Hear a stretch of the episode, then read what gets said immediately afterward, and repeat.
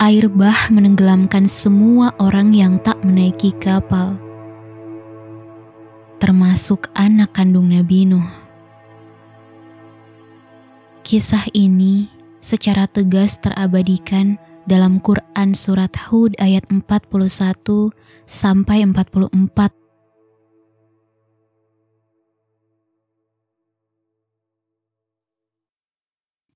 Assalamualaikum warahmatullahi wabarakatuh. Semoga teman-teman belum bosan mendengarkan kisah Nabi Nuh ya. Terima kasih telah mendengarkan podcast cerita sejarah Islam. Dalam penyusunan cerita ini, kami mengambil sumber dari buku Bapak Para Nabi dan tafsir Quran karya Ibnu Katsir.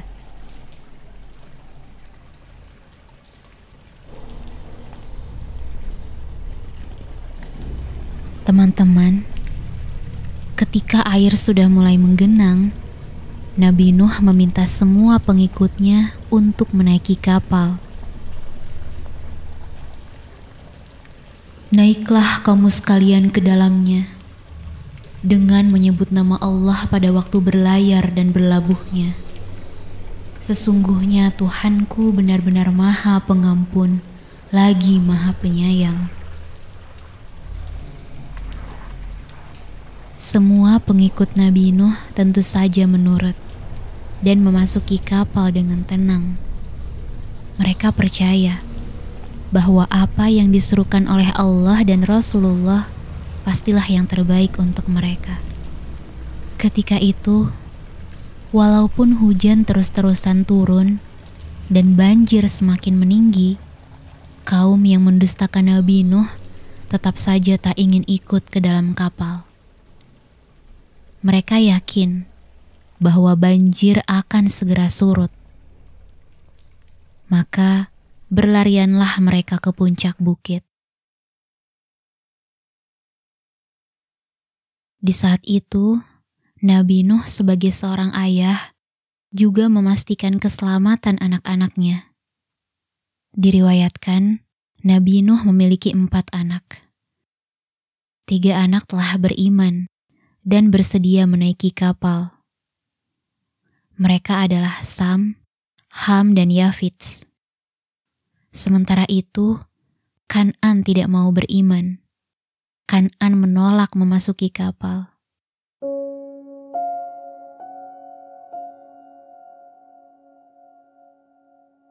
Penolakan Kanan ini bahkan sampai terabadikan dalam Quran surat Hud ayat 43 sampai 44. Dalam ayat tersebut, Allah berfirman, Dan bahtera itu berlayar membawa mereka dalam gelombang laksana gunung. Lalu Nuh memanggil anaknya, sedangkan anaknya itu berada di tempat yang jauh terpencil. Dengan lembut Nabi Nuh berkata,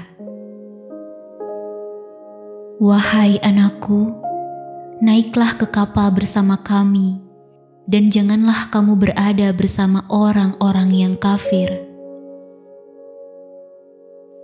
Anaknya menjawab, "Aku akan mencari perlindungan ke gunung yang dapat memeliharaku dari air bah." Mendengar penolakan anaknya itu, Nabi Nuh mengatakan, tidak ada yang melindungi hari ini dari azab Allah selain Allah saja yang Maha Penyayang.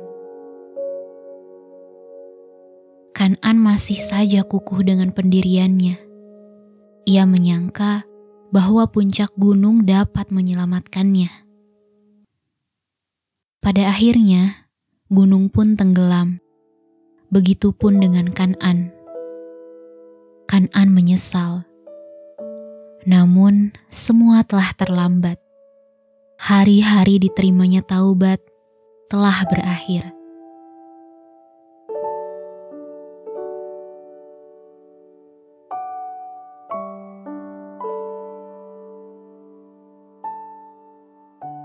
Nabi Nuh sangat sedih.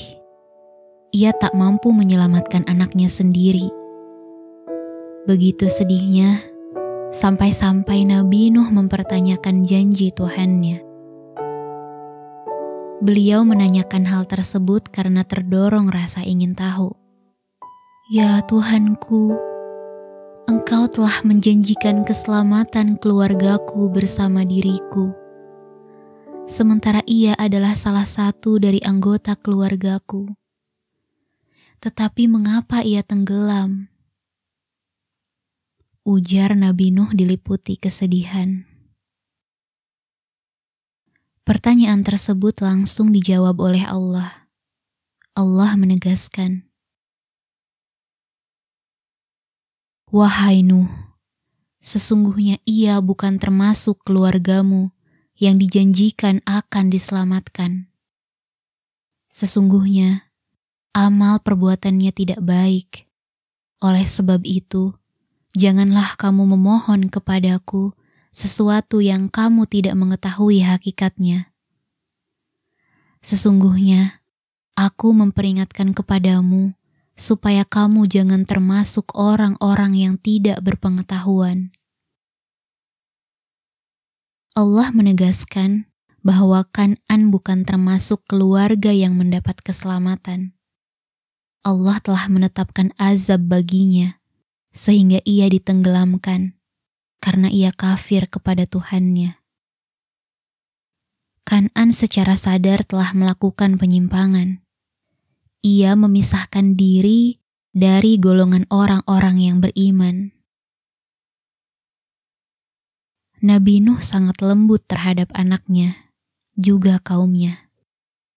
Nabi Nuh tetap meminta mereka untuk setidaknya mau menaiki kapal di tengah kondisi genting itu, Nabi Nuh tidak secara langsung mengajak beriman. Yang terpenting, naik dulu ke kapal. Walaupun begitu, tetap saja kaumnya dan bahkan anak Nabi Nuh sendiri menolak ajakan Nabi Nuh. Kapal Nabi Nuh menjadi penyelamat bagi orang-orang yang mengikuti seruan Allah.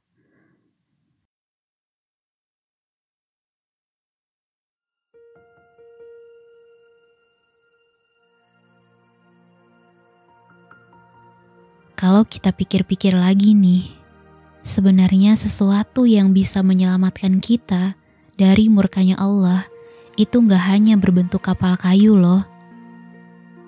Kalau saat ini, bisa jadi penyelamat kita adalah lingkungan yang baik. Teman yang saling menasihati dalam kebaikan, tempat kerja yang memudahkan untuk beribadah, dan masih banyak lagi. Tapi pertanyaannya, apakah kita sudah menemukan dan memiliki hal-hal tersebut? Dan selayaknya kapal Nabi Nuh yang harus dibuat terlebih dahulu, sesuatu yang menyelamatkan kita juga bisa sama-sama kita hadirkan. Kita bisa mencoba keluar dari lingkungan yang tidak baik menuju ke lingkungan yang baik kita juga bisa kok mencoba menghadirkan tempat kerja ataupun organisasi yang memudahkan para anggotanya untuk menjadi muslim yang baik. Teman-teman, episode 56 ini kita akhiri sampai di sini ya. Sampai jumpa lagi di episode selanjutnya. Wassalamualaikum warahmatullahi wabarakatuh.